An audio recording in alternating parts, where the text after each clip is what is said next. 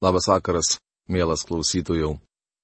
Šiandien toliau keliaujame Biblijos puslapiais. Esame Naujajame testamente ir toliau nagrinėsime pirmą laišką korintiečiams. Šiandien pradedame nagrinėti ir kitoje mūsų laidoje užbaigsime 14 skyriaus apžvalgą. Šios skyriaus tema - dovanų naudojimas.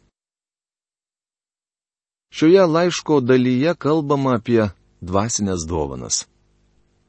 Dvyliktame skyriuje aptarėme, kaip suteikiamos dovanos.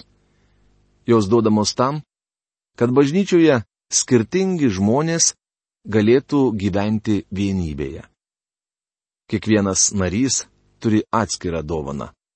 Tačiau visi bažnyčiai priklausantys tikintieji privalo veikti iš vien kaip kūnas sudarytas iš daugelio narių.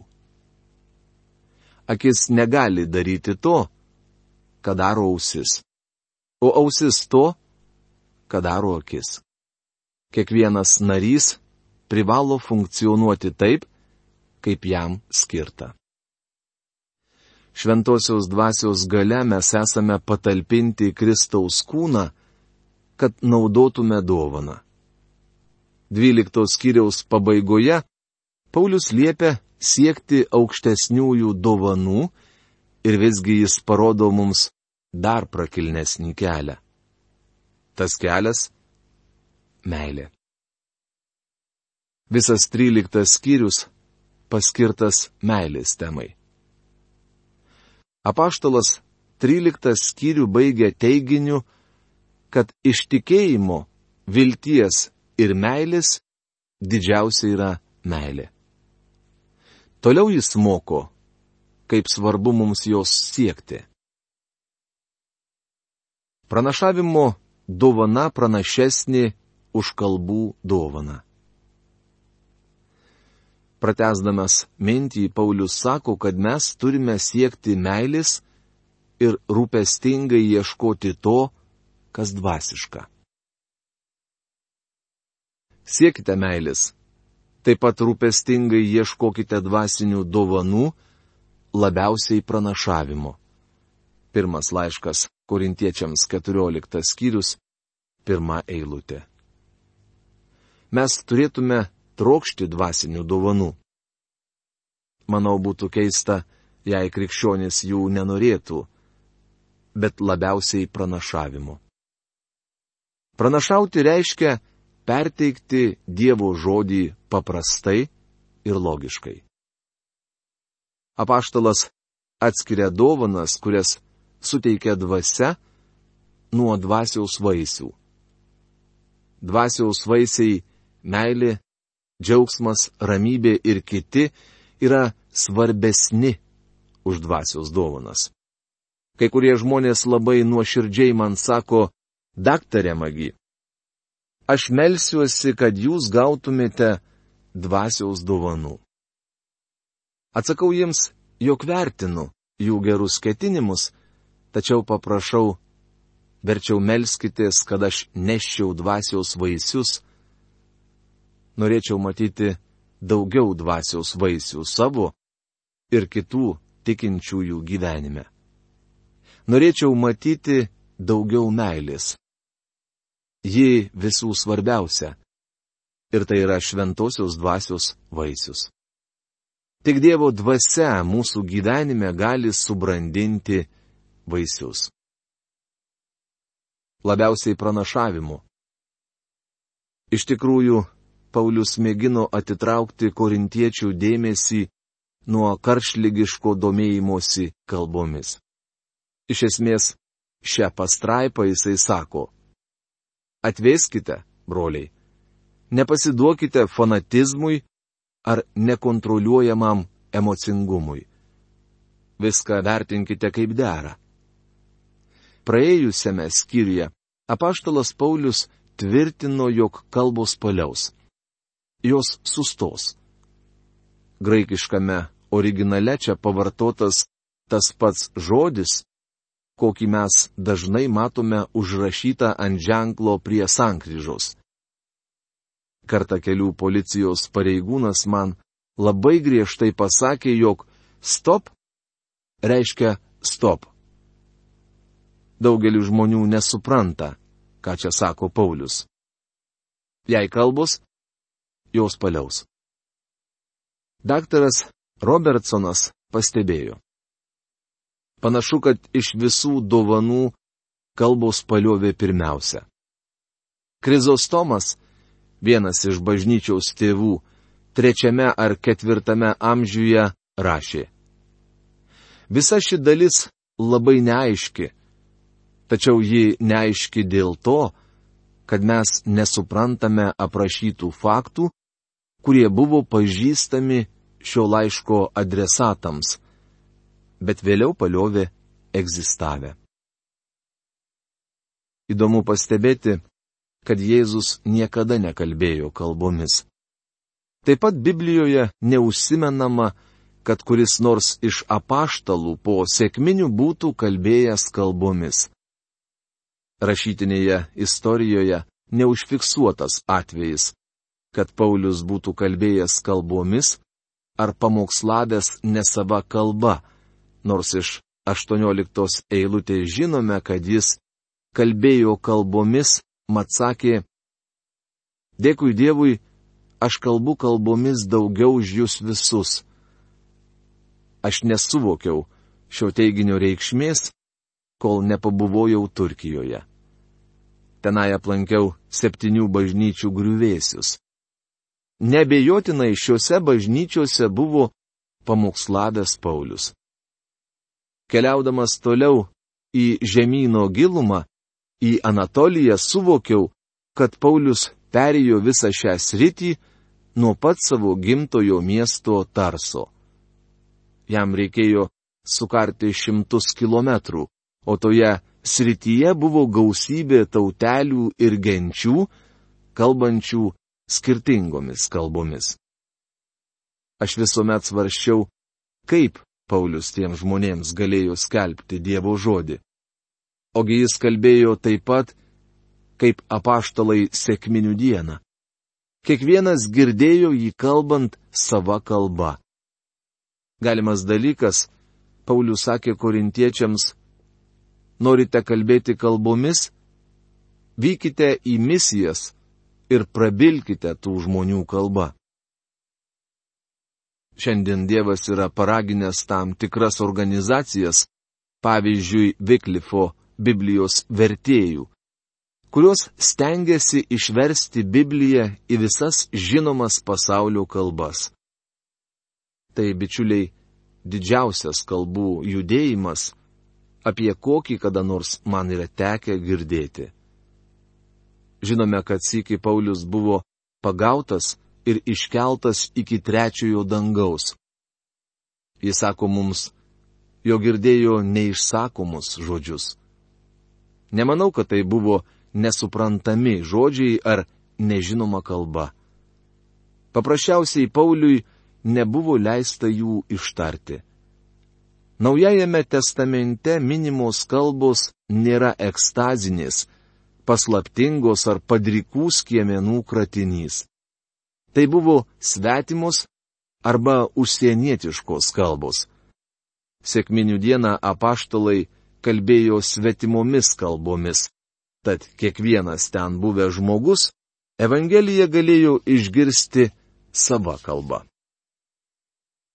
Nepamirškite, 14 skyrius yra meilės skyriaus tesinys jis prasideda. Siekite meilės, taip pat rūpestingai ieškokite dvasinių dovanų, labiausiai pranašavimo. Kas kalba kalbomis, ne žmonėms kalba, bet Dievui. Juk niekas jo nesupranta. Jis dvasioje kalba slėpiningus dalykus. Pirmas laiškas Korintiečiams 14 skyrius, antra eilutė. Niekur Biblijoje nerašoma apie nežinomas, neaiškias kalbas. Kas kalba kalbomis, ne žmonėms kalba, bet Dievui. Juk niekas jo nesupranta, jis dvasioje kalba slėpiningus dalykus. Žmogus neturi kalbėti kalba, kuri yra svetima klausytojams, nes jie jos nesupras, nebent kas nors verstų.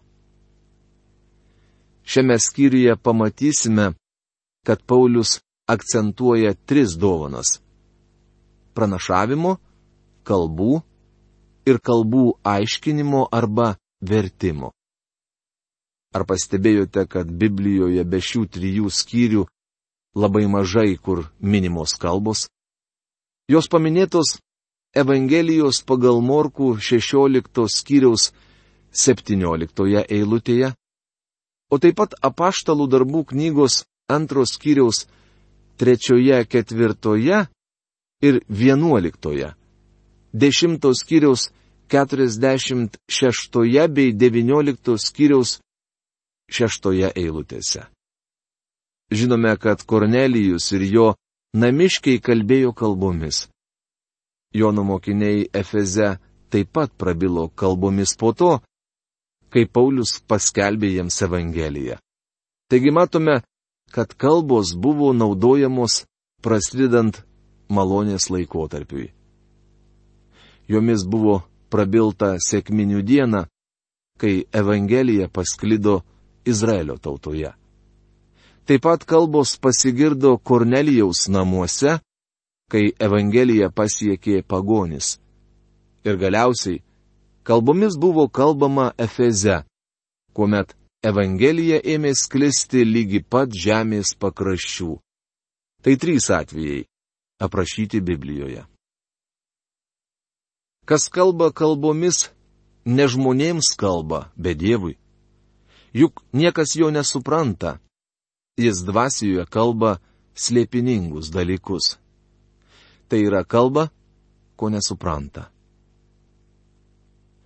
O kas pranašauja, tas sako žmonėms pamokymus, paskatinimo bei paguodo žodžius. Pirmas laiškas korintiečiams 14 skyrius, trečia eilutė. Paulius akcentuoja pranašystės dovaną. Jis ragina korintiečius nesivaikyti kalbų dovanos, kuri juos žavėjo, bet skelbti Dievo žodį pamokantį, paskatinantį bei paguodžiantį. Kas kalba kalbomis pats save tobulina, o kas pranašauja, ugdo bažnyčią. Pirmas laiškas korintiečiams 14 skyrius, ketvirta eilutė kalbos dovana naudojama savanaudiškiems tikslams. Tuo tarpu pranašavimas arba mokymas ugdo bažnyčią. Aš norėčiau, kad jūs visi kalbėtumėte kalbomis, bet būtų geriau, jei pranašautumėte. Kas pranašauja yra didesnis už tą, kuris kalba kalbomis, nebent pastarasis ir aiškintų, ugdydamas bažnyčią. Pirmas laiškas korintiečiams 14 skyrius 5 eilutė. Pranašauti reiškia skleisti Dievo žodį. Taigi svarbu ne kalbų susirinkimas, bet Biblijos studijos. Kas pranašauja? Turima omenyje tas, kuris moko. Niekam nederėtų kalbėti kalbomis, nebent kas verstų ir taip tikintieji galėtų kažko pasimokyti. Broliai, jei aš imčiau ir ateičiau pas jūs, kalbėdamas kalbomis, kokia jums būtų nauda, jeigu jums neskelbčiau apreiškimo, pažinimo, pranašystės ar mokymo. Pirmas laiškas Korintiečiams 14 skyrius 6 eilutė. Paulius sako, jei atėjęs pas jūs kalbėti, paistyčiau kažką nesuprantamo, kokia iš to būtų nauda? Taip pat jei negyvi instrumentai, pavyzdžiui, fleita ar arfa, neskleistų įvairių garsų, iš ko pažintumėte, kas grojama ar skambinama. Ir jeigu trimitas duotų neaiškų garsą, kas renktųsi į mūšį? Pirmas laiškas korintiečiams 14 skyrius 7-8 eilutės. Kartais pagalvoju, kad būčiau geras muzikantas, jei su muzikos instrumentu galėčiau daryti tą patį, ką kalbantieji taip vadinamomis nežinomomis kalbomis daro su garsais. Nors neišmanau muzikinio rašto ir neturiu klausos, galėčiau pūsti trimitą kaip išeina. Žinoma, tai te būtų beprasmis triukšmas. Net ir toks negyvas instrumentas privalo turėti prasme. Ir jeigu trimitas duotų neaiškų garsą, kas renktųsi į mūšį? Trimito signalas pakeldavo karius į mūšį. Bičiuli, šiandien be galo svarbu aiškiai skelbti Evangeliją. Tas pat tinka ir jums. Jei kalbėdami kalbomis netarsite aiškių žodžių, tai kaipgi bus galima suprasti, ką sakote, jūs kalbėsite vėjams. Pirmas laiškas korintiečiams 14 skyrius 9 eilutė. Iš esmės Paulius sako, susiprotėkite, mąstykite logiškai. Kas žino, kiek esama įvairių kalbų pasaulyje, tačiau nėra bereikšmės kalbos. Tad jei aš nesuvoksiu kalbos reikšmės, būsiu kalbėtojui svetim šalis ir kalbėtojas man bus svetim šalis. Taigi ir jūs, uoliai ieškantys dvasios dovanų, siekite jų gausos bažnyčiai ugdyti. Pirmas laiškas korintiečiams 14 skyrius 10-12 eilutės. Pasaulyje yra daug kalbų tačiau žmonės negali susišnekėti, jei nekalba tą pačią kalbą. Jei kalbate kalba, kurios nesupranta ne vienas jūsų bažnyčios narys, kaip tai ugdys bažnyčia? Svarbiausias klausimas, ar tai ugdo bažnyčia? Ar statydina tikinčiuosius? Todėl, kas kalba kalbomis, temeldžia, kad galėtų ir aiškinti. Pirmas laiškas korintiečiams 14 skyrius 13 eilutė. Kiekvienas žodis, pasakytas svetima kalba, turi būti išverstas. Antraip jis beprasmis susirinkusiems žmonėms. Jei kalbėtojas negali versti, tai turi daryti kas nors kitas, turintis vertėjo dovaną. Jei melžiuosi kalba, melžiasi mano dvasia, o protas lieka bevaisis. Pirmas laiškas korintiečiams 14 skyrius 14 eilutė. Tai mano draugė yra atsakymas tiems, kurie teigia, jog kalba kalbomis asmeniškai bendraudami su Dievu. Jei protas lieka bevaisis, jūs negaunate jokios dvasinės naudos, tai yra šventoji dvasia netarnauja jums. Jei ir gaunate kokią naudą, tai tik psichologinę. Paulius sako, kad tokiu atveju protas lieka bevaisis. Ką daryti? Aš melsiuosi dvasia ir melsiuosi protu. Gėdosiu dvasia ir gėdosiu protu. Jei tu šlovini dvasia, tai kaipgi tavo padėkos maldai pridurs Amen pašalinis, kuris nesupranta, ką tu kalbi. Pirmas laiškas Korintiečiams 14 skyrius 15-16 eilutės. Kitaip tariant, pasakykite ką nors prasmingo, kad brolis jūsų maldai galėtų pritarti Amen. O tai reiškia, iš tiesų taip yra. Gal tu ir gražiai dėkoji, bet kitam iš to nėra naudos. Dėkui Dievui, aš kalbu kalbomis daugiau už jūs visus. Tačiau bažnyčiai susirinkus verčiau ištarsiu penkis žodžius savo protu, kad pamokyčiau ir kitus, negu tūkstančius žodžių kalbomis. Pirmas laiškas korintiečiams 14 skyrius 17-19 eilutės. Manau, Paulius turi omenyje tai, kad kaip misionieriui jam teko prabilti mažiausiai tuzinų kalbų. Spėju, kad šį kalbų skaičių galima būtų padidinti keturis, o gal net penkis kartus. Atvykęs su misija į svetimą tautą ar gentį, apaštalas negalėdavo suprasti vietos gyventojų kalbos, o šie nesuprasdavo jo.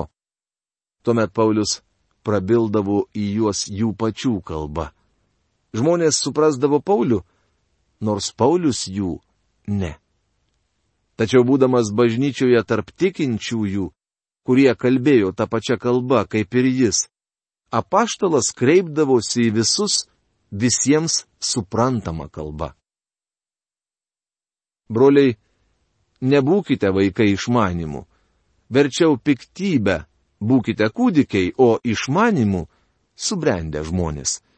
Pirmas laiškas korintiečiams 14 skyrius 20 eilutė. Paulius vėl korintiečius vadina vaikais. Anksčiau jis sakė, kad jie kūniški, kūdikiai Kristuje. Dabar apaštalas ragina korintiečius neselgti vaikiškai. Įstatymė parašyta, šitai tautai aš kalbėsiu svetimomis kalbomis, svetimųjų lūpomis, bet ir tuomet jie nepaklausys manęs, sako viešpats. Pirmas laiškas korintiečiams, 14 skyrius 21 eilutė. Matote, Paulius turi galvoje suprantamas kalbas. Jis sako, kitoms tautoms aš prabilsiu jų kalbą. Vadinasi, kalbos yra ženklas ne tikintiems, bet netikintiems. O pranašystė skirta ne netikintiems, bet tikintiems. Pirmas laiškas korintiečiams, 14 skyrius, 22 eilutė. Štai ką sako apaštalas Paulius. Kai nuvykdavau į misiją, tarkime, Pisidijos Antiochiją, to krašto žmonės kalbėdavo kita kalba, taigi aš prabildavau jiems suprantamą kalbą. O kai jų kalba paskelbdavau Evangeliją, jie įtikėdavo. Tačiau su Izraelio krašto žmonėmis kalbu tą kalbą, kurią supranta ir jie, ir aš. Vadinasi, pranašauju, tai yra mokau juos Dievo žodžio. Mielas klausytojau, kitą mūsų laidą mes pradėsime apžvelgdami dovanų naudojimo tvarką vietinėje bažnyčioje. O šiandien savo laidą baigiame. Iki kito susitikimo. Sudė.